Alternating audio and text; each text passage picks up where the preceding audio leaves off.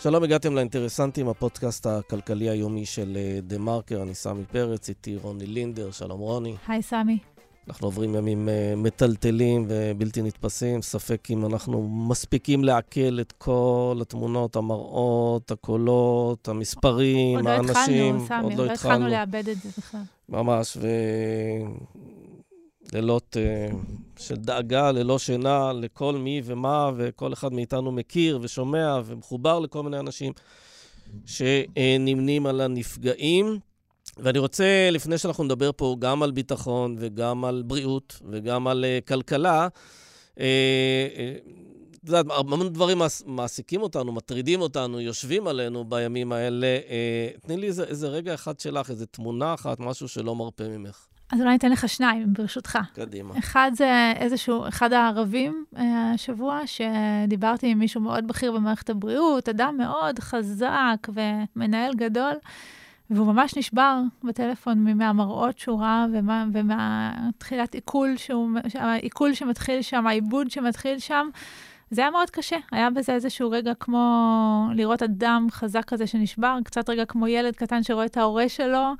אמ, זה, מיד לקחתי את זה אל עצמי, אה, זה מין, היה מין מראה כזאת לא נעימה בכלל על מצבנו. והרגע השני הוא דווקא רגע מאוד לא רגשני, זה, רגע, זה, זה הרגע הזה שראיתי את הסרטון, אה, אם אתה מכיר, סרטון של איזה, של אזרחים שזורקים קפה על האוטו של מירי רגב, זה בא אחרי שניים, שלושה סרטונים נוספים של פוליטיקאים, אה, עידית סילמן וניר ברקת, שהם ממש גורשו מ... כשהם באו לבקר פצועים בבתי חולים, פעולה די טריוויאלית בזמן מלחמה. והזעם הזה, הוא ממש היכה בי. כלומר, ו- ומיד אחרי זה כתבתי באיזה שתי קבוצות חברים בוואטסאפ, אתם תראו שמשבוע הבא, לדעתי, יתחילו להתפטר פה שרים, כי הם מבינים שהם באמת, הם לא יכולים לבצע את הדברים הכי בסיסיים של העבודה שלהם, הם באמת אה, להגיע לבקר פצועים במקומות ניטרליים, הם לא יגיעו לאיזה מקום אה, של האופוזיציה או משהו כזה. אה, באותו ערב גלית דיסטל אה, התפטרה, ונראה, נראה אם אה, צדקתי, אבל אני חושבת שמשהו פה מאוד מאוד גדול קרה.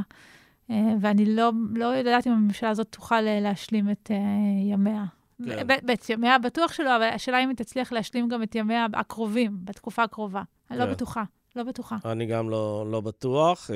חוסר האמון והזעם הם כמובן מאוד גדולים. הזעם הוא, כאילו, הזעם של המחאה הוא, הוא יהיה פסיק, לדעתי, לעומת הזעם שמצטבר פה, האנרגיה הזאת המטורפת של הזעם של אנשים שפשוט גילו שהם כן. יתומים. כן, לגמרי.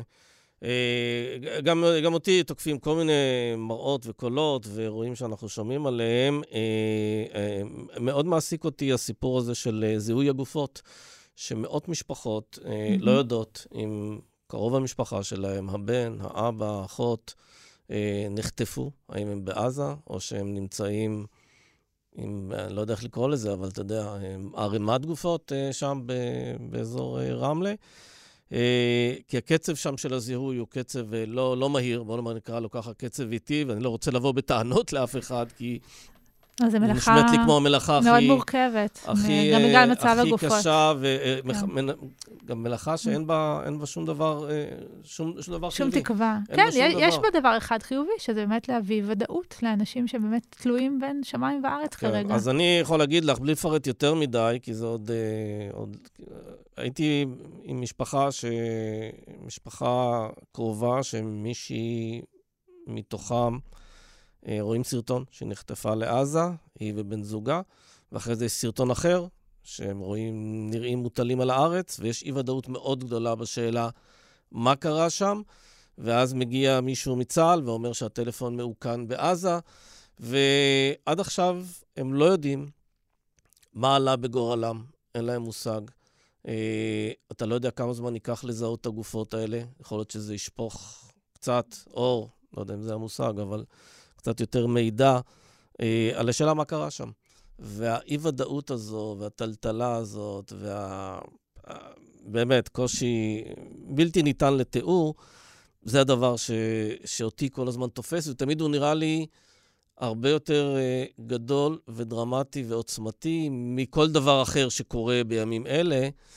Uh, כן, זה אכזרי בצורה שקשה כן. לתפוס בכלל. כן, שלא לדבר על זה שעדיין יש בשטח, ושמעתי את הדובר של זק"א, מדבר על זה שהם עדיין נמצאים בכפר עזה, עדיין עוסקים נכון. בזיהוי גופות.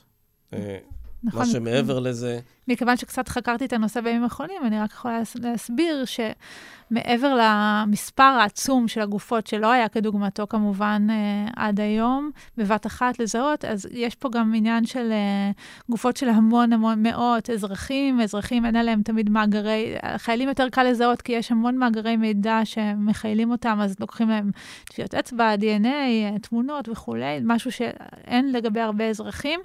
ואם אפשר לצרף לזה את המצב המאוד קשה של הרבה מאוד גופות, אה, יכול, יש סיכוי שזה ייקח אה, לגבי חלק מהגופות עוד, לא רוצה להגיד שבועות, אבל זמן לא קצר בכלל. כן, וזה גם מעורר את השאלה, אה, האם העובדה שהמערכת הצבאית מהבחינה הזו, לצערנו, יודעת לתפקד, והמערכת האזרחית פשוט לא יודעת לתפקד עם אסון המוני שכזה, יחייב במסגרת תהליכי הפקת הלקחים שעוד יגיעו, אה, לחשוב גם על הנקודה הזו.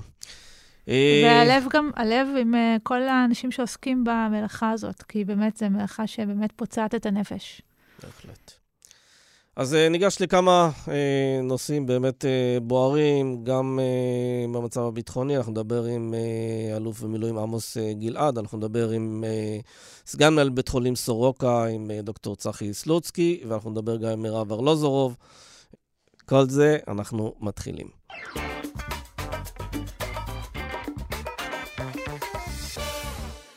שלום לאלוף במילואים עמוס גלעד. שלום.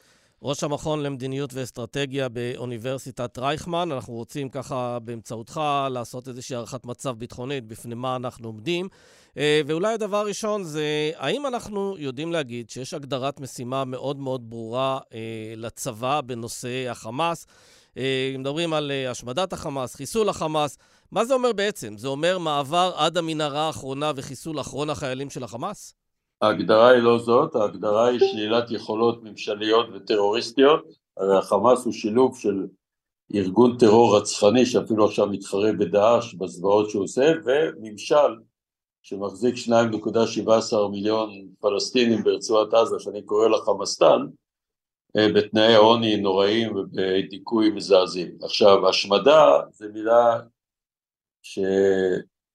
שזה באמת, כמו שאתה אומר, זה בעיה איך לתרגם אותה למילה, המשימה כפי שאני מצטט את ההגדרות שדובר צה"ל מוציא, היא נכונה. עכשיו, לכל הגדרת משימה, הקומה התחתונה זה כמובן תוכניות מבצעיות ברורות.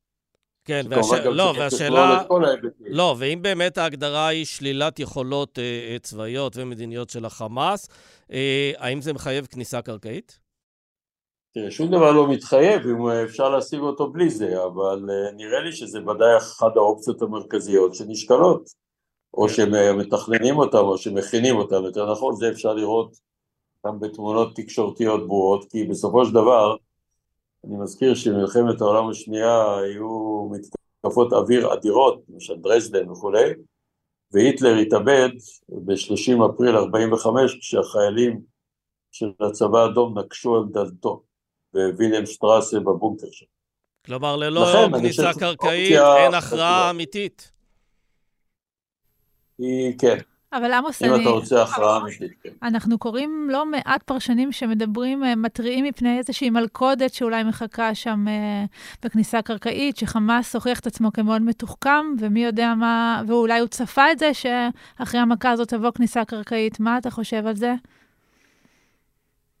אני חושב שזה דבר רציני, יש צריך לקחת אותו בחשבון. ככל שאני מכיר את צה"ל, אה, הם לוקחים את זה בחשבון, ואני מזכיר לכם את התוכנית שהייתה להם בזמנו שלא יצאה אל הפועל, אה, מטרו קראו לה, שלמעשה היו אלפי אנשי חמאס נהרגים בתוך המנהרות. כן, תוכנית לא הצליחה. אם את שואלת אותי אם לוקחים בחשבון את כל המערכי ההגנה, א', כן, שתיים הוכחות, חיל האוויר מבצע תקיפות מאוד נרחבות כדי להכשיר את הקרקע למתקפה קרקעית, אם תהיה, להיכן שהיא תגיע, אם יוחלט על כך, אה, וזה סימנים ברורים לכך שלוקחים את זה מאוד ברצינות. כן, עמוס, יש הרי כל העניין הזה של התלכדות הזירות, מדברים על עזה, על יהודה ושומרון, וכמובן על חיזבאללה מצפון. אה, אני רוצה רגע איזה תרגיל מחשבתי. הרי האיום מצד חמאס אה, כבר התממש, והתממש בצורה גרועה ביותר. האיום של חיזבאללה אה, חמור יותר מזה של חמאס מבחינת הפוטנציאל שלו, והוא טרם התממש. ונשאלת השאלה, האם נכון לשמור על הסדר הזה? קודם כל לטפל בחמאס, כי הוא זה שעשה את האירוע הזה, ואחר כך בחיזבאללה, או שזה בכלל לא נתון אפילו להחלטתנו? שאלה מצוינת. יש גם כאלה שאומרים, בואו נחסל עכשיו את חיזבאללה יחד עם חמאס. אני תמיד גורס ש, שעוצמה אסטרטגית בנויה על עוצמה צבאית ותבונה.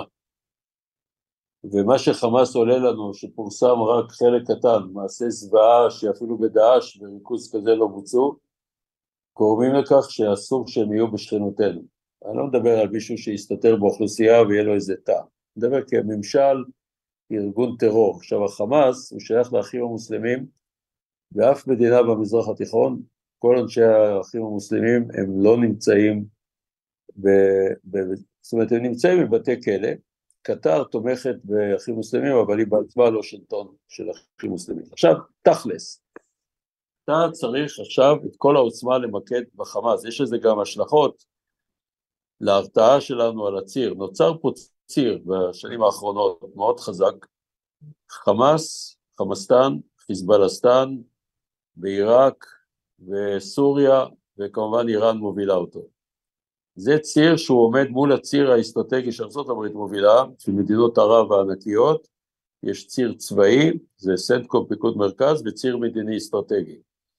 למעשה, אם החמאס אה, יקבל את המהלומה שנדרשת כאן, זה גם יחזק את ההרתעה. אני מהתבוננות אה, בצפון ובהתבסס על ניסיון, שוב, זה מבחוץ, אה, לא צריך, אני מניח שהצבא לוקח, נערך לכל האפשרויות, אבל אני מתרשם שלמרות ההתקפות עלינו בחזית הצפונית, הם לא מפעילים, הם לא נכנסים במלוא העוצמה לפעילות התקפית רחבה נגד ישראל, שהיא כמובן בעלת משמעויות אסטרטגיות רחבות. כן. לכן הם נותנים לארגוני חמאס וכאלה לתקוף, מדי פעם הם משתתפים בהצבעה, אני לא אכנס לכל הפירוט, מה שאתם רואים בחזית הצפונית זה כאין וכאפס לעומת היכולות. אני חושב שצריך להתמקד בחמאס, אחר כך להשיג את ההרתעה, ולהתכונן ליום פקודה שמן הסתם יבוא, אבל ככל שההרתעה שלך תשוקם אה, מול החמאס, וגם יהיה, מה שנקרא, יוכלו להתרשם מה עלול לקרות להם, כך זה יחזק את ההרתעה. אני בכלל נגד כניסה לעימותים אם אין צורך בדמוקרטיה, תמיד אתה יודע מתי אתה נכנס, אתה לא יודע איך אתה מסיים. יש תפיסות אחרות, יותר לוחמניות, בוא נחסל את החמאס, את, את חיזבאללה, את איראן, את כולם, אבל זה לא ריאלי. מה שהחמאס עולה לנו, אם הוא, אם הוא לא יזכה למהלומה ראויה, אנחנו בצרות צרורות, כולל מול כל התלכדות הזירות. עכשיו תראה, אנחנו במצב אני חושב שהחמאס כרגע, נכון ל-13 פלוס, עשה שתי שגיאות. מעשה הזוועה שלו, הם מעמידים אותו בשורה אחת עם דאעש והם עולים עליה. שתיים, אין להם את פריצת כל החזיתות. תסתכל מה שחוץ מבן גביר, שר בן גביר, שניסה להסית uh, כדי ש... או לחולל מצב שבו ערביי ישראל יתקוממו, אז uh, להפך, הם שומרים על אחריות. ביהודה ושומרון יש מוקדי תסיסה, אבל הם מטופלים. בלבנון זה לא דומה למה שיכול לקרות משם. בקיצור, יש אפשר, אפשרות שהם יהיו עדיין מבודדים, זה תלוי במהירות הפעולה, ביעילות שלה. וכמובן צריך להיות ערוכים, אבל זה לא צריך אותי. אם אתה שואל אותי מול כל הטוענים האחרים, אני מתרשם שהם לבדם בסופו של דבר, למרות כל מה שמתרחש בצפון, הם זה חמאס, הארגון המתועב הזה, והם חייבים להיעלם כשכנים שלנו, זה המשמעות של המבצע. ואחרי זה אם המנהיגים שלהם יישארו בחיים, צריך ליישם את אה, דוקטרינת גולדה מאיר שהורתה בעקבות טבח מינכן, להרוג את כל מנהיגי הפת"ח שאחראים לזה, והאחרון שבהם נהרג בינואר 1979, שבע שנים אחרי טבח מינכן, עלי חסן סלאם. אז אם כבר הזכרת את אה, גולדה מאיר, בוא נדבר קצת על האנשים שמובילים אותנו במערכה הזאת, אחרי ההפתעה האיומה הזאת.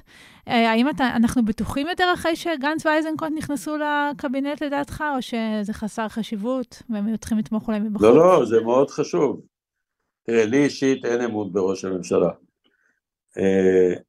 הוא, ההפיכה המשטרית, אני בפרסומים שלנו התעקשתי לקרוא לזה הפיכה משטרית, הם שחלקו על זה, זה שם קוד להחלשה ברצון של מדינת ישראל בכל המימדים. הצבאי, הכלכלי, כפי שסמי ביטא את זה, הוא מבטא את זה בצורה, או ביטא את זה יותר נכון בצורה מרשימה בדה מרקר. את בדיווחים המזוויעים שלך על מערכת הבריאות, שלא לדבר, אנחנו היינו מעצמת על, יש לנו יתרות מטבע מעל ל-200 והיו עשרה, 12 מיליארד דולר, במצרים יש 110 מיליון, יש 34.9 בקופה, מיליארד דולר. אנחנו ממש מעצמת סייבר, כל הדברים האלה נחלשים, מדוע? מישהו תקף אותנו מבחוץ? אנחנו החלשנו את עצמנו. אה, אני לא סומך על, אה, על ראש הממשלה בכלל, אבל כרגע הוא ראש הממשלה, ברגע שמוסיפים קולות, שני, שני רמטכ"לים לשעבר, שהם תמיד הצטיינו בהפעלת עוצמה ובשפיות, אז זו תוספת ראויה. כן, אבל אם נסתכל גם על הדרג הצבאי, ואמר כבר הרמטכ"ל הרצי הלוי, כשלנו, לא סיפקנו את ההגנה שהיינו צריכים. אה, ברור אה, שכולם שם חבולים ומוכים כתוצאה מהמחדל הזה, אי אפשר לקרוא לזה אחרת. ונשאלת השאלה אם במצב כזה, אה, יכולת התפקוד שלהם יכולה להיות מיטבית. שוב, שאלה מצוינת, אגיד לך את תשובתי, היא בנויה על היכרות אישית והתרשמות, אה, נניח מהרמטכ"ל. תשווה את הרמטכ"ל לראש הממשלה. הרמטכ"ל אמר, אני לוקח את האחריות. זה אחד האנשים היותר ישרים, ענבים, נחושים ומבצעיים שצמחו פה. אה, כשהוא אמר את זה, אני מניח שהוא מתכוון למסקנות אחרי שהמהלך הצבאי, הוא לא יכול לנטוש עכשיו את עמדת הפיקוד, כמו שדדו, הרמטכ"ל ב-73 לא נטש והביא ניצחון, הוא מדבר על אחרי הניצחון, הוא בסוף המפקד, הוא אחראי על התכנונים, על בניין הכוח, והוא צריך להוביל את הצבא למימוש המשימות שהדרג המדיני מתאים. לעומת זאת, ראש הממשלה יצא ממנו שכולם כשלו, רק הוא לא, והוא לא צריך לקחת אחריות, שזה אבסורד, אני לא הזכרתי את החטופים והחטופות לצד מעשי הזוועה ומה קורה איתם, הוא לא מזכיר אותם, ביידן מדבר עם משפחות החטופים, 14 אה, משפחות מלשכתו בבית הלבן, שהוא האיש הכי עסוק בעולם. אני כן סומך על מערכת הצבא, אני סומך על מערכת המודיעין, אה, הם יתגייסו למשימה ויעשו אותה. אנחנו בעלייה להר, אי אפשר להחליף את המנהיגים עכשיו, ואני חושב שזאת החלטה נכונה. יש כל מיני סימני שאלה, אני סומך עליהם. כן, יש לך הערכה לגבי התמשכות, אה, אופי המהלך הקרקעי? לגבי המהלך הקרקעי הקונקרטי, כמובן אני לא רוצה להתייחס אה, משני טעמים, אחד שאני לא יודע, ושתיים, שאם אני אגיד משהו שבמקרה הוא מתאים למציאות זה כאילו הסגרת שדות, אבל ברגע שאתה נכנס לעזה, יש שם אתגר הומניטרי אה, יוצא דופן, שיש לו גם השלכות אסטרטגיות. אה, בסוף האוכלוסייה שם אה, היא מחייבת טיפול מהיר, עד כמה שניתן, ושיקום של עזה, לדעתי מה שיקרה פה עכשיו, אני לא יודע אם יש זמן, אבל אני רוצה להגיד לחלוק איתכם את מחשבותיי, האמריקאים לא סתם שלחו לפה שתי נוסעות מטוסים, מצד אחד הם מפגינים את התמיכה ומרתיעים אויבים, מצד שני הם נחושים שיהיה פה הסכם שלום בין סעודיה לישראל וברית אסטרטגית בין סעודיה לארה"ב, ושהציר הערבי-סוני אה, עם ישראל יהיה חזק מול הציר המרושע של איראן ולצידו סין ורוסיה. מה שיקרה פה עכשיו, שברגע שיסתיים המבצע, תהיה בעיה מי נשאר שם לשלוט, צריך לנהל את האוכלוסייה. יש שתי אפשרויות בסיסיות, יש הרבה, אבל יש שתיים. כמובן אפשר להגיד הצבא המצרי ייכנס, הסבירות לזה היא אפס מינוס, הם בחיים לא ייכנסו. יש שתי אפשרויות, אחד, צה"ל, זה אסון, זה פשוט אסון, לשלוט בעוד שני מיליון פלסטינים בכיבוש עם נטל עצום. שתיים, זה הרשות הפלסטינית. כולם חובטים בה, הרשות לא תרגיע לשם, אלא אם כן יהיה אופק מדיני ותהליך מדיני. זה יכול להיות גם אפשרות מדיני. שלישית של איזשהו כוח בינלאומי שיכול לנהל את עזה כן, אבל כוח בינלאומי, כוח בינלאומי גם יכול להיות, אבל נראה לי שמדינות העולם יהססו לעשות את זה, וגם אמריקה תרצה שזה יהיה הברית. שזה תהיה הרשות הפלסטינית, כדי להניע תהליך מדיני שבלעדיו, למרות האשליות שפיזרו לנו, אתה לא יכול בלי להכניס את המרכיב הפלסטיני לשלום עם סעודיה. יכול לעשות את זה אולי עם אבו דאבי. לא יודע, זה עושה לי קצת אה, דז'ה וו לסיפור אה, לבנון, אה, ג'ומאייל, בשיר ג'ומאייל, אתה לא, לא, לא, לא, לא, ההפך. ג'ומאייל זה הייתה, לא, זה לא דומה. הפלסטינים וישראל הם בעימות חריף. אנחנו החלטנו לחבור לבשיר ג'ומאייל המפוקפק ולעשות איתו שלום שברור שהוא לא היה מחזיק מעמד, אני התרעתי על זה אז בתור אה, רב סרן, ובסוף הייתי בטייבח סברה שתילה, בשיר ג'ומאייל זה היה משענת קנה רצוץ כמו שכתוב בתנ"ך, מערכת מפוקפקת שאני בשום אופן לא הייתי מתחבר אליה. פה אתה מדבר על אופציות שיש לך להניע תהליך. עכשיו אם אתה רוצה שיקום של עזה, לדעתי זה מיליארדים רבים של דולרים, מדינות המפרץ הן היחידות שיכולות לעשות, הם בלי תהליך מדיני לא יעשו את זה. אם לא אבו מאזן, שיהיה מישהו אחר, אבל לא משנה. חייב להיות פה התהליך המדיני, ולפחות יהיה צריך להיות אופק מדיני, ברור שבאילוצים הפוליטיים זה לא אפשרי, אם זה לא אפשרי אז uh, אנחנו נעמוד בהכרעות קשות, אחרת נישאר שם, ואם נישאר שם, יחד עם השליטה ביהודה ושומרון, עם האסטרטגיה של סמוטריץ', שנועדה להכשיר את הקרקע לכיבוש ישיר, לכבוש חמישה מיליון פלסטינים, זה נטל הרסני על הצבא, על שאר מערכת הביטחון, ועל הכלכלה. שהוא יביא לעשות. כן. אני רק רוצה, תוהה אם אפשר לסיים באיזושהי אופטימיות, שאולי אחרי כל המערכה הזאת, כן. אומנם אה, מוקדם, מוקדם עכשיו אה, להגיד את המילה אופטימית שיש לנו חטופות וחטופים, ילדים, זקנים, טף וחיילים כמובן, ואת כל מעשי הזוועה, אני אגיד דבר כזה, ההתגייסות, העם פה הוא נפלא, אני כל פעם עמום, לא עמום, אני נפעם, זה המילה. יש פה כוחות נפש ואור גנוז, זה... אני בניגוד למה שחשבתי, לא האמנתי שתהיה מחאה כזאת, הייתי בטוח שזה לא יהיה, טעיתי לחלוטין. כוחות המחאה, כוחות היצירה פה, כוחות ההתנדבות עכשיו, בחיבור לעובדה שהחמאס ביצע מעשה זוועה, אתה רואה התגייסות לאומית, עממית, אפילו שהממשלה כושלת, אבל שבמורל בצבא, אה, אתה, אני נפעם מזה ואני חושב שהחמאס בכל זאת יישאר לבדו. שוב, האם הייתי סומך על דבר כזה בהערכות ובהיערכות? לא. הצבא פרוס בפריסה מאוד חזקה בצפון המדינה, אה, ולכן לא הייתי סומך על שום הערכה גם אם אני מאמין בה, אלא נערך כך שהם יבינו שהמחיר יהיה גבוה. כן. ואז, בהחלט, זה המסר האופטימי. ממש לסיום, אחרי האופטימיות, עוד איזו הערה קטנה. כשביידן אומר don't, ואומר את זה לחיזבאללה, אומר את זה לאיראן, המסר הזה נקלט להערכתך, או שיש שם איזה אה, רצון אה, בכל זאת לעשות משהו? אני אגיד לך איפה נקלט ואיפה לא. אם הכוונה היא שאיראן לא תתערב, אני חושב שכן. חיזבאללה, הוא לא אמר חיזבאללה, וגם חיזבאללה יש גם את ההרתעה שלנו. האם הם יפסיקו במאמצים לבנות יכולות אדירות כדי לפגוע בישראל? גם איראן כמדינת סף גרעינית, שעל בסיס הבנות עם ארה"ב יכולה לפתח מערכת שלמה של כלים בליסטיים עם מטוסים ללא טייס, טילים, רקטות וכולי, ורוצחת אירופאים, אוקראינים וכולי וכולי, בעניין הכוח הזה יימשך. האתגר נשאר בתוקף.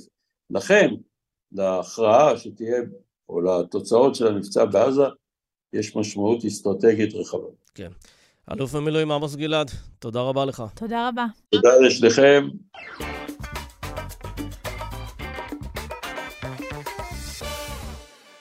שלום לדוקטור צחי סלוצקי. שלום לכם. סגן מנהל בית החולים סורוקה, המרכז הרפואי שקלט אה, מספר בלתי נתפס של אה, פצועים בשבת השחורה, השבעה לאוקטובר. תחזיר אותנו אולי לבוקר של אותו יום. איפה היית ואיך שמעת? אני אחזיר אתכם uh, לבוקר הקשה והנורא הזה, כמו שתיארת. אני גר במושב סמוך לשדרות, ואני מתעורר למעשה בשש וחצי uh, לאזעקות ופיצוצים, uh, ש, שבאופן עקרוני בהתחלה, אתה יודע, חשבנו שזה משהו מוכר. אנחנו רגילים לפעמים, התחלתי להסתכל באינטרנט לראות אם היה איזשהו חיסול. אה, אבל אני גם חבר בקבוצות אה, כוננות רפואה באזור העוטף ואני מהר מאוד מבין שכמובן מכניס את הילדים והאישה לממ"ד, סוגרים את הממ"ד ומבין מהר מאוד שלא מדובר באירוע רגיל אה, לפי התגובות בכל הקיבוצים ויישובים בעוטף שכנראה יש חדירה של מחבלים ולכן די מהר אני מחליט לעזוב את הבית ולנסוע לכיוון בית החולים. וכבר ברבע לשבע אני בעצם נפרד מאשתי והילדים ונוסע לכיוון בית החולים. כשבדרך אזעקות ממשיכות והטילים ממשיכים לנחות? שבדרך, שבדרך אזעקות, לשמחתי הבנתי קצת את הדברים, או למזלי, ולא נסעתי דרך שדרות ועשיתי איזשהו עיכוב קטן ולא עברתי דרך שדרות. אבל עדיין כל הדרך אזעקות ורעשי יירוטים מעל הראש. ותוך כדי אתה מבין שמדובר באירוע מאוד מאוד משמעותי. אז כבר הנסיעה בדרך מתחילים להיערך פה בבית החולים, כלומר כבר ההכנה מתחילה כבר מהדרך, כלומר אנחנו כבר הבנו שאנחנו לקראת אירוע משמעותי במרכז הרפואי סורוקה בשעה מאוד מוקדמת.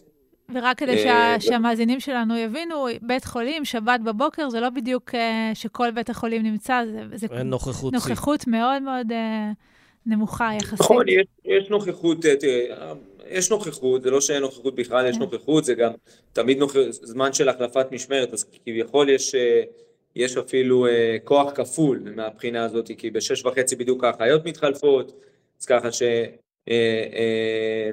מה שאנחנו עשינו זה מיד עצרנו בעצם את כל השחלופים, כלומר כבר מהדרך אמרנו למשמרת בוקר לא לצאת ולמשמרת לילה, סליחה, לא לצאת ולמשמרת בוקר להישאר, מה שנתן לנו מיד כוח אדם די משמעותי בהבנה של מה אנחנו, לקראת מה אנחנו הולכים. ומתי מתחילים להגיע הנפגעים הראשונים?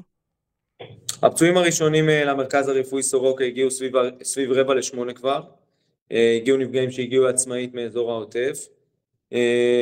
אנחנו כבר בשעה הזאת כבר לאחר פגישת היערכות של כל המטה של בית החולים כבר הכרזה מיידית על אירוע רב נפגעים.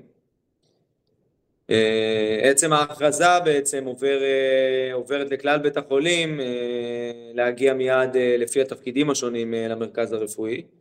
אני חייב להגיד שעוד כשאני הגעתי לבית החולים כבר הייתי כמות אדירה של צוותים רפואיים ופארה רפואיים ומשנים ומזכירות, כולם כבר היו פה כאילו. ההבנה שמדובר באירוע משמעותי גרמה להרבה מאוד אנשים מצוות בית החולים להגיע כבר לפה, או טרם ההכרזה אפילו על אירוע רב נפגעים. כן, ואז הנפגעים שמגיעים, אתם מקבלים נפגעים עם כל מיני סוגי פגיעות? ירי, הדף, חיילים, אזרחים, איזה תמונה אתה, אתה, אתה רואה? תראה, אנחנו מתחילים מאוד מהר לקבל פצועים במגוון ודרגות שונות של פציעה. פציעות ירי היו הרבה מאוד, הרבה מאוד פצעי ירי. מהמסיבה, מהמסיבה בעיקר? הרבה מאוד פצעי רסיסים של רקטות וכדומה. כוויות, שריפה כתוצאה משריפה וכדומה. כלומר, מגוון רחב מאוד של דרגות פציעה שונות שהגיעו חלקם רכובים, חלקם מוסקים, חלקם על ידי כוחות הצלה וחלקם גם ברכבים עצמאיים של כל מיני כוחות ביטחון אחרים שפשוט פינו ישירות אלינו. ואנחנו בחדר הטראומה ובחדר, במחלקה לרפואה דחופה ערוכים לקלוט אותם. ואתה מומחה לרפואה דחופה בעצמך, נכון? נכון, אני מומחה לרפואה דחופה, אני יושב ראש האיגוד גם לרפואה דחופה בישראל. משהו בהכשרה שלך, בניסיון שלך, הכין אותך לאירוע כל כך המוני, של מאות פצועים בעצם שמגיעים תוך מספר שעות? אני חושב ש... תראה, אני חושב שקודם כל כמרכז רפואי אנחנו, אנחנו מתורגלים במקרים, באירועים המוניים. ברור לנו שהעוצמה שחוותה המדינה באירוע הזה, ואנחנו כמרכז רפואי הוא משהו ש... לא היה כדוגמתו בעבר. עדיין, אני כן חושב שהניסיון שלנו בהתמודדות עם, עם אירועי טראומה והיכולת שלנו לנהל מקרי טראומה משמעותיים והיכולת שלנו לנהל אירועי רב נפגעים בעבר היו מאוד מאוד לטובתנו ולכן אני חושב שהדבר הזה הצליח בצורה טובה ועשינו את המקסימום כדי להציל כמה שיותר חיים ואני חושב שגם הצלחנו. המעבר הזה מחדר, מהמחלקה לרפואה דחופה, לחדרי הניתוח, לטיפולי נמרץ, כל השרשרת הזאת הייתה צריכה להצליח כדי שהכל יצליח, כלומר זה לא שרשרת, זה לא משהו אחד, כל השרשרת הזאת עבדה בצורה מופתית וזה קרה רק בגלל האנשים, כן, האנשים פה במרכז הרפואי, פשוט היו מדהימים, ההתגייסות שלהם הייתה מדהימה והיכולת של כל השרשרת הזאת להתנהל אה, הייתה לחלוטין בזכותם. כן, בכמה נפגעים טיפלתם אה, עד עכשיו?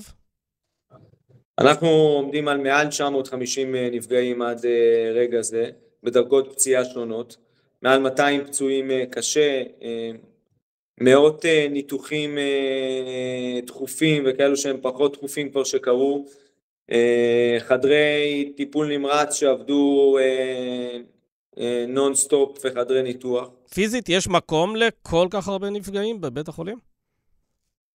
אז קודם כל בבית החולים יש מקום ואנחנו גם ערוכים אה, עם מחלקות נוספות כדי לקלוט אה, פצועים נוספים במידת הצורך.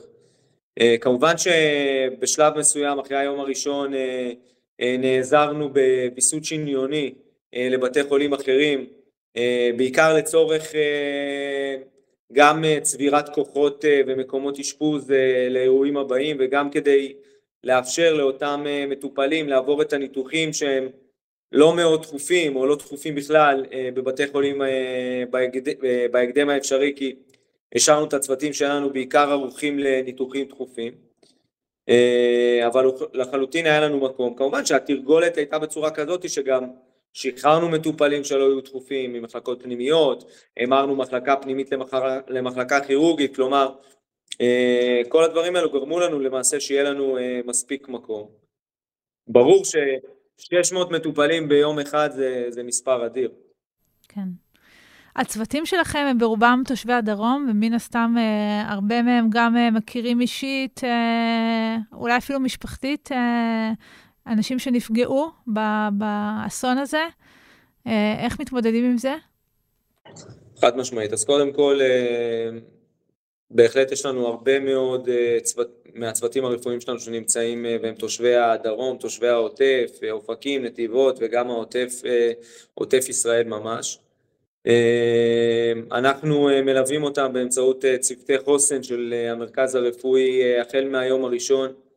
צוותי החוסן שלנו, יש לנו מערך שלם של חוסן במרכז הרפואי שפועל באופן קבוע והוא תוגבר משמעותית בעקבות האירועים האלו.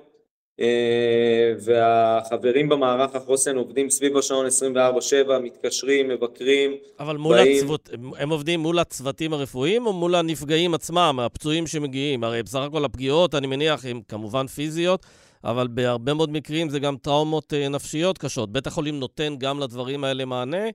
אה, שאלה מצוינת, כן. שאלה מצוינת, בהחלט. אז זה מחולק לשני מערכים שונים. יש את מערך החוסן שנותן בעיקר לצוותים הרפואיים, ויש את מערך בריאות הנפש, אה, אני כל הזמן מזכיר את זה, הטיפול בנפגעי הדחק צריך להתחיל מיד, כלומר ממש במפגשים הראשונים, ולכן מערך בריאות הנפש שלנו אה, במרכז הרפואי מגיע לנפגעים, לפצועים, למשפחות כבר, ב, אה, כבר ברגעים הראשונים. מדובר במערך מורכב של פסיכיאטרים, עובדים סוציאליים ואחרים, שבעצם נותנים מענה לפצועים, לנפגעים, חלקם חיילים, חלקם אזרחים, מיד בהגעתם, ו... אה, אה, לרצף הטיפול, אנחנו יודעים שהמפגש הראשוני עם הצוותים האלו אה, עוזר משמעותית להוריד, להוריד את, את הסיכוי לפתח בעצם מצב דחק משמעותי בהמשך. צחי, אני רוצה לשאול אותך, מה מצב המיגון של בית החולים? מכיוון שאנחנו פנינו עוד, אנחנו לא יודעים כמה זמן עוד נשאר למלחמה הזאת, כנראה שלא מעט. בית החולים הוא בחזית, הוא בקו האש. והאבסורד הוא שכבר הרבה שנים שבית החולים הוא בקו האש ועדיין לא כולו ממוגן. אז מה אתה יכול להגיד לנו בנושא הזה? אני מסכים לחלוטין, אה, לצערי אנחנו אה, חוזרים על האירועים האלו אה, כל פעם בסבבי הסלמה, שבהם אחד הדברים שאנחנו צריכים לעשות מיד בסבב הסלמה זה לפנות מאושפזים, לפנות פגים, לסגור חדרי ניתוח, כל המכלול הצפוני שלנו, צנתורים, אה, בגלל חוסר מיגון. אה, כן. אני חושב שאני מסכים עם המילה שלך, אה, הגיע הזמן שהמרכז הרפואי השלישוני הגדול ביותר בנגב יהיה ממוגן באופן מלא. אני חושב שהיינו צריכים לעשות את זה כבר בעבר, אבל אני חושב שזה הזמן להגיד שמשקיעים פה את התקציבים כדי שכל הדברים האלו יהיו ממוגנים. אני סוגר פה חדרי ניתוח צפוניים, אני סוגר פה חדר ניתוח כדי לתת באזור הממוגן לצנתורים דחופים להיות מצונתרים, וזה ברור לי שאם כל הדבר הזה היה ממוגן, יכלתי לתת מענה אף גדול יותר למספר גדול יותר של פצועים. כן. וחבל, חבל שאנחנו ש... מתעסקים הרבה בדברים האלו. אני חושבת ששלושתנו נסכים על זה בפה מלא, שזה פשוט אבסורד שזועק לשמיים שבית החולים כזה לא ממוגן כולו.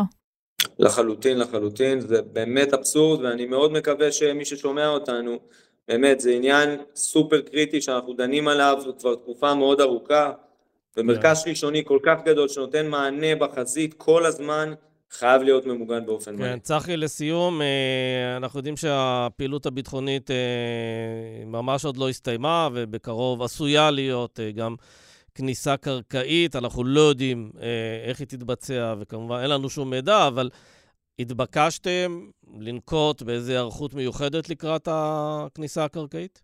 כן, החל, מה, החל, מ, החל מהרגעים הראשונים וקצת שנרגעו העניינים אנחנו כמובן נערכים מחדש לקליטה מלאה של פצועים, כלומר היום אנחנו uh, במרכז הרפואי ערוכים בדיוק כמו שהיינו ערוכים בשש וחצי בבוקר בשביעי uh, לאוקטובר ביום הנורא הזה.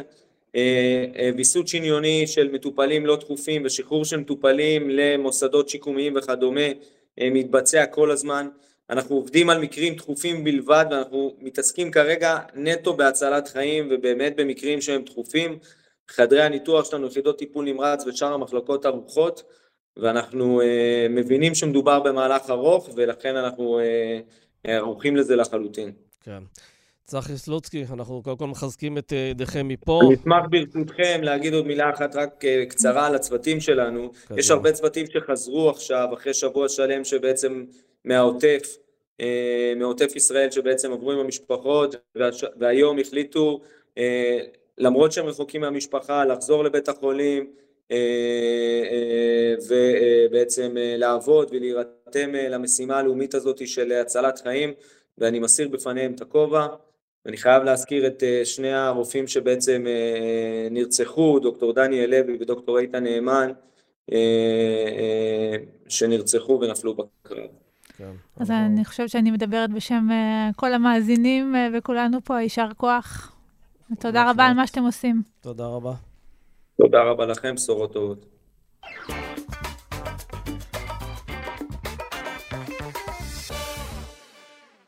שלום למירב ארלוזרוב. שלום רב. פרשנית בכירה בדה-מרקר וחברתנו למערכת. אני אשאל אותך שאלה פופוליסטית. עכשיו, בעקבות שיחה שהייתה לנו ממש הרגע עם דוקטור צחי סלוצקי, סגן מנהל המרכז הרפואי סורוקה, והוא מספר לנו שבית החולים ממש לא ממוגן במלואו, אחרי כל כך הרבה שנים של, אה, של עמידתו בקו החזית הראשון אה, לדרום. אז אני אשאל אותך שאלה פופוליסטית, לזה אין כסף ולמה יש? למה זה פופוליסטי? זה לחלוטין לא פופוליסטי. Um, אני אגיד לך, את יודעת, אני לא מכירה ספציפית את המקרה של המיגון של, אה, של סורוקה. זה לא רק סורוקה, בואי אבל... אני אסבר את אוזנך, זה כמעט כל בתי החולים בחזית, גם בדרום וגם בצפון, לא, עדיין לא ממוגנים במלואם. גם לא במרכז. לא, אני לא מכירה ספציפית, אבל אני כן יכולה לראות מה קורה עכשיו. אה, קודם כל, אנחנו מודעים לכך שממשלה לא מתפקדת, אין משרד ראש ממשלה, אין מי שיתכלל את האירועים. אה, אז אין, מי, אין בעצם מפקד לאירוע, וגם אין כל כך פקודים, כי אני רק, רק שתדעו, שישה משרדי ממשלה בלי מנכ"לים. חמישה פוטרו סלש התפטרו, לרבות ביטחון פנים, חינוך, משרדים קריטיים. אה, ושישי אפילו לא טרחו למנות מנכ"ל, זה מודיעין, אז, אז אין מנכ"לים.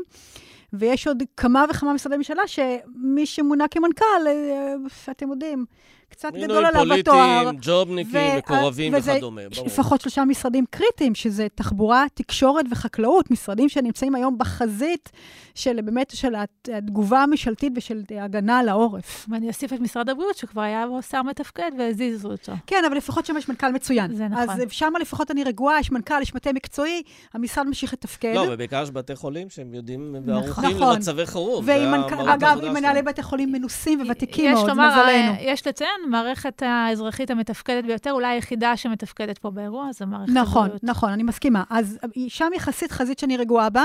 שאר החזיתות, אתם יודעים, יש כאן שאלות שאני אפילו לא רוצה, אני מפחדת אפילו להזכיר אותן. מה קורה בתחום ההגנה על תשתיות לאומיות? מה קורה בתחום של שיקום תשתיות לאומיות? מה קורה עם מלאי חירום? אני, זה שאלות שאפילו אין לנו תשובות טובות עליהן, כי אני לא חושבת שמישהו בממשלה טרח לבדוק, יודע, בירר, משהו. אמ, אז הממשלה לא מתפקדת. כן, עכשיו, אחד הדברים שבאמת בולטים פה, אה, ואני שומע את זה גם מהרבה מאוד עסקים, הרי חלק מהעסקים מושבתים, גם בגלל הנחיות של פיקוד העורף, גם משום שהרבה מאוד עובדים פשוט גויסו למילואים, וגם משום שאולי הציבור אולי פחות צריך אותם בעת הזו. אה, אומרים לי בעלי עסקים, אנחנו צריכים לשלם משכורות בקרוב. עכשיו, פה דווקא אפשר להגיד שיש איזה ניסיון נצבר מהקורונה, של איך מתפעלים את זה, רק צריך לזכור שכל הצמרת של משרד האוצר התחלפה. אה, יש שר אוצר מאוד לא מנוסה במצבים אני, כאלה, אני... ויש הרבה מאוד מקומות שצריך להזרים כסף, ויש שם איזה משהו שנראה סמי, כמו אז... בדיחה, הסכומים שזורמים. אני, אני, ככל שאני מבינה, א', הצמרת של האוצר, רובה, של הקורונה, רובה עדיין במקומה. אמ, הם יודעים להזרים כסף, אבל כרגע, באמת, הזרמת כסף שנדרשת כרגע, כמובן לביטחון יש צ'ק פתוח, זה מובן מאליו. אה, הסיוע לעוטף עזה זה, זה באמת, זה פרוטות, זה פשוט מגוחך. מדברים שם על סיוע של אלף שקל לנפש לאנשים שאיבדו הכל. את היישוב שלהם, את הקהילה שלהם, את הבית שלהם, את הרכוש שלהם, זה... והרבה מאוד גם בני נכון. משפחה. יש אנשים שאין להם כסף לארוחות, אין להם הם כלום, לא יודעים מה הם יאכלו. אין להם בגדים, אין להם... אה, בסדר, אז... אז הרבה מאוד אנשים נרתמים ותורמים ומתנדבים ועושים הרבה מאוד דברים. אבל uh, מה זה הלעג לרש הזה? מה אני, זה אלף שקל לא, לנפש? אני חייבת להגיד לכם, אני לא חושבת שזאת, uh, שזאת כרגע בעיה. אני לא חושבת שיש בעיה של, של, של באמת לסייע לעוטף. Uh, צריך לקבל את ההחלטות. Uh, תראי, אנחנו מדברים על זה שבאמת בבתי החולים, ואולי גם בצבא, כבר מתחילים להפנים את גודל האירוע הזה. במשרד האוצר, הגוף שאמון בעצם לתת פה פתרונות ותשובות מאוד מהירות, ופה למהירות גם יש משמעות, לא הפנימו את גודל האירוע הזה, ושר האוצר עסוק בדברים אחרים, עסוק בדברים ש... יכול להיות שהוא עוד בסרט הקודם של בוא נתחזק ממשלה ו... ושותפים סמי, קואליציוניים אני... לפני דאגה לעוטף. סמי, אני, אתה יודע, אני בחרדה רבה אמ, פשוט נאלצת להסכים. אני, יש את האירוע הביזארי הזה. של הכספים הקואליציוניים. עכשיו, למה הוא עלה? הוא עלה מכיוון שברור שאנחנו צועדים לקראת אירוע כלכלי ענק. ככל הנראה, הכי גדול מאז מלחמת יום הכיפורים. אני מזכירה לכל מלחמת יום הכיפורים, הסתיימה בעשור האבוד. עשר שנים של משבר כלכלי מתמשך, שהביא למדינת ישראל ב-1985, שהייתה כפסע מפשיטת רגל, ואז מה שהציל אותנו היה בעצם תוכנית הייצוב של 1985, שבעצם הבסיס שלה היה קיצוצי תקציב הכי גדולים בכל ההיסטוריה של ישראל. לא הייתה ברירה אלא, כי עמדנו לפני קריסה כלכלית. עכשיו, אם אנחנו לא רוצים להיכנס שוב לעשור כזה, אה, חייבים לפעול כבר עכשיו. כלומר, בניגוד למה שאתה אומר לגבי עוטף עזה, שם בוודאי צריך לשפוך כסף. מדינת ישראל צריכה כרגע להתחיל לקצץ. היא צריכה לאותת לעולם, אנחנו מדינה רצינית, אנחנו נשמור על התקציב, אנחנו לא ניקלע לגירעונות בלתי נשלטים, לא ניקלע, לא ניקלע לחובות בלתי במה? נשלטים. אבל מה עם שירותים חברתיים שיידרשו כל כך עכשיו? רק, רק משבר בריאות הנפש אה, תקשיבו, והשיקום. תקשיבו, אני מסכימה, חכו, ואת, בניית ממ"דים. בוודאי. ובואו ננסה, לש... בהנחה שאנחנו חוזרים לעידן של גם מלחמה... גם רווחה, רווחה, יש פה כל כך הרבה אנשים. רוני, רוני, אנחנו חוזרים לעידן של מלחמה גלובלית. אמ, ההוצאה על ביטחון שירדה ל-5 אחוזים, להזכירכם, אחרי... 16 אחוז אחרי יום כיפור כן. הייתה כמעט 20 אחוז, יכולה, את יודעת, אני לא יודעת, יכולה להכפיל את עצמה, לכי תדעי מה יקרה כאן, יהיו כאן הוצאות מטורפות. אנחנו חייבים, באמת, אנחנו במצב מלחמה תקציבית, חייבים להיערך עכשיו, חייבים להתחיל להראות שאנחנו רציניים, ומתבקש לקצץ איפה שהוצאה מיותרת, יש לך לפחות 6 מיליארד שקלים שעדיין לא הוצאו בכספים הקואליציוניים. תודיע עכשיו. תהיה מנהיג, תודיע עכשיו שאתה מקפיא את הכל. קיש כבר אמר שהוא לא רוצה להעביר את הכסף לחינוך החרדי. תהיה, באמת, תהיה מנהיג. כן, הוא לא עושה, הוא לא עושה את זה. איך מורכבים אותם שישה מיליארד בערך? ממה הם מורכבים? לא, אני לא יודעת להגיד לך מספיק בפירוט, אני כן יודעת שמדובר על לפחות שישה מיליארד שהם שהם פנויים, כלומר שאפשר עדיין להקפיא אותם, עוד לא התחייבו לגביהם, הרוב אגב שנה הבאה, ב-2024. אה, ומכיוון שאנחנו חייבים את הכסף, זה גם הצהרתי, נורא חשוב, זה סמלי. להגיד, תראו, אני מבין את גודל האירוע, אני מבין את גודל השעה, אני מניח את האינטרסים הפוליטיים שלי ושל מפלגתי בצד, ואני מקפיא את הכספים האלה קודם כל, כי הם באמת... אגב, אפרופו סמלי, אתה יודע, אפשר גם לבוא ולסגור לפחות עשרה משרדי ממשלה מיותרים, שיש שם, כל מה שיש שם זה כיבודים ומנכ"לים ומכוניות ומה לא. ויש שם, שם אפס ערך לציבור, שלא לומר אה, ערך שלילי. נכון, אבל כל זה לא קורה, ואני, באמת, אני, אין מילים בפי לומר כמה אני חרדה מכך שהממשלה הזו לא מבינה את גודל האירוע, לא מבינה את גודל האתגרים, ואיננה מסוגלת להתעשת גם כשכבר באמת התהום מונחת מירב, לפנינו. תגידי, יכול להיות שהם מבינים את גודל האירוע, אבל פשוט יש שם חוסר כישרון, יש שם הרס מוחלט של הרבה מאוד מערכות, יש שם סירוס של הרבה מאוד גורמים במשך הרבה מאוד שנים, יש שם בלי סוף פקידים מפוחדים, שלא מסוגלים לבוא ולצעוק ולדפוק על שולחן של השר שלהם, ולכן זה לא עניין של הבנת גודל האירוע, כמו אה, חוסר אה, יכולת ביצוע. מה עוד יכול להיות? וחוסר מוסר, כן? אה, כן, יש אני מסכימה. עניין של אה, מוסר, של לדאוג לכלל, ולא רק לצרכים הסקטוריאליים. ולדאוג לעתיד המדינה הזו, ולא כן. רק ל... אתה יודע, הם פשוט... זה נראה כאילו סמוטריץ' עסוק, מבין שאולי אה, הזמן אה, קצר, דוחק. הזמן דוחק, אוטוטו אולי הממשלה הזו לא תשרוד, והוא כאילו ממהר אה, להעביר כמה שיותר כספים באמת לבייס שלו, לפני שתיחסם ההזדמנות. ככה זה נראה, זה באמת, זה חוסר... תפ... זה... אתה יודע, האמת, זה אני נשמע רוצה... כמו פשע, אני מירב. לי זה נשמע כמו פשע. אני אגיד לך יותר מזה, זו סכנה ביטחונית, משום שצבא חזק תלוי בכלכלה חזקה. הדבר, זה כרוך אחד בשני. אם האויב שלנו יזהה שאנחנו מידרדרים כלכלית, זה רק עוד יותר יתמרץ אותו, יראה בזה עוד אות לחולשה. זה עוד יותר יתמרץ את הסיכוי שהם יפתחו חזית שנייה. בואו נוכיח שאנחנו מדינה עם עוצמה, שיודעת לעמוד, גם אזרחית, גם ביטחונית וגם לא, כלכלית. כולנו מסכימים, מירב, אבל שימי לב לדמויות שנמצאות פה. דיברת על מנכ"ל משרד ראש הממשלה, יוסי שלי, איש אה, חסר יכולות. אה, דיברנו על שר האוצר, חסר ניסיון בתחום הזה, ומאוד מגזרי. לכאורה, איש כן. עם הרבה עוצמה, מחזיק מעצמו חבל על הזמן, כן. והוא מתגלה, אני, לא, יודע, העניין הוא שאין פה, פה את הבן אדם הזה. אנחנו צריכים את הבן אדם, את המערכות, את ה... לא יודע, מתחיל- גיבורים שמבינים את האירוע. זה מתחיל מראש הממשלה, שכמובן, א', מינה את כל האנשים האלה, ומינה את הממשלה הזו, ומסרב בתוקף לקחת אחריות כלשהי, וזה נראה שהוא רק מתחמן את הרגע שתסתיים המלחמה כדי באמת להסיר אחריות מעצמו ולהפיל אותה על כל אחד אחר שזז, רק לא על עצמו. זה מתחיל משם, אין לנו רוח מפקד. מירב, מה הסיכוי אה, שיקומו מספר שרים ויגידו, עד כאן, ישימו את המפתחות על השולחן שלו ויגידו, אם אתה לא עושה את הדבר הנכון, אם אתה לא מתאפס על עצמך, אנחנו מפרקים את הממשלה. לאור גם מה שהם סופגים ברחוב, אני רואה, הם לא מסוגלים כבר אה, לצאת לרחוב, המחאה מגיעה עד אליהם הביתה. אני לא יודעת לומר לך, אבל אני חושבת שזה לגמרי תלוי בציבור. אני חושבת שאם הם יבינו שהציבור הולך אה, לדרוש מהם לשלם את המחירים, הם יבינו שהם צועדים לוועדת חקירה ממלכתית, ושכל אחד ואחד מהם ברור. חשוף לוועדת החקירה הזו, לא רק צמרת הצבא, כל אחד ואחד מהם, אני חושבת שנתחיל לראות כאן התאפסות, כרגע זה עוד לא קורה. כן, אבל נשאלת השאלה, אה, אנחנו הולכים למערכה שאנחנו לא יודעים מה יהיה המשך שלה, יכולה לארוך חודשים. חודשים ארוכים, ואנחנו יוצאים למערכה כשאנחנו מאוד לא בוטחים, לא בראש הממשלה, לא בשרים הבכירים. יש גם שיגידו שהם לא בוטחים בצמרת הצבא על רקע המחדל שהתגלה פה. אנחנו גם מפולגים בתוכנו. והם מפולגים. בתוכנו, למרות שאני רואה גם גילויי אחדות כאלה ואחרים בדברים מסוימים, ודאי בצד של הלחימה, ודאי בצד של ההתנדבות. אני מניח שגם בצוותים המקצועיים, כבאים, שוטרים, אה, חיילים, לא שואלים את עצמם כרגע שאלות מחנאיות. אה, אבל, אבל אתה צריך, אה, אתה צריך אה, בוס לדבר הזה, והשאלה אם הבוס הזה יתגלה רק אחרי המלחמה. תראה, אני, אני מעריכה שנתניהו לא כשיר ולא מתפקד. אה, מזל שגנץ ואייזנקוט נכנסו לקבינט המלחמה, כי אני לא חושבת שהוא מסוגל לקבל את ההחלטות הביטחוניות הנדרשות. אני, אני, ככל שאני מתרשמת, שוב, זה לא התחום שלי בכלל, צריך לשאול את, עמיתנו עמוס הראל, אני מתרשמת שצמרת הצבא, אחרי המחדל הנורא, התעשתה, והצבא נראה שמתפקד יפה, אני מקווה מאוד שאני לא אתבדה. Uh, הממשלה אכן לא קיימת. Uh, יצטרכו, אני מקווה שזה יוכל לחכות לאחרי המלחמה, אני שאחרי המלחמה להחליף אותה. אם, אם המלחמה תהיה באמת קשה וממושכת, יכול להיות שלא תהיה ברירה כבר להגיב אפילו תוך כדי הלחימה, uh, אבל כרגע אין לנו מפקד, ואני חושבת שזה מחריף את הסיכון הלאומי שלנו ברמות ניכרות. אנחנו באמת בסכנה של אסון לאומי. מה אנחנו צריכים לעשות כעיתונאים חוץ מלכתוב, לדבר על זה, לה- להגיד את זה ולצעוק את זה? להתריע ולצעוק ולקוות לפקוח את עיני הציבור, שיבין שהממשלה הזו היא סכנה, וככל שיקצרו ימיה, אה, כן ייטב. מירב ארלוזורוב, אין חד מזה.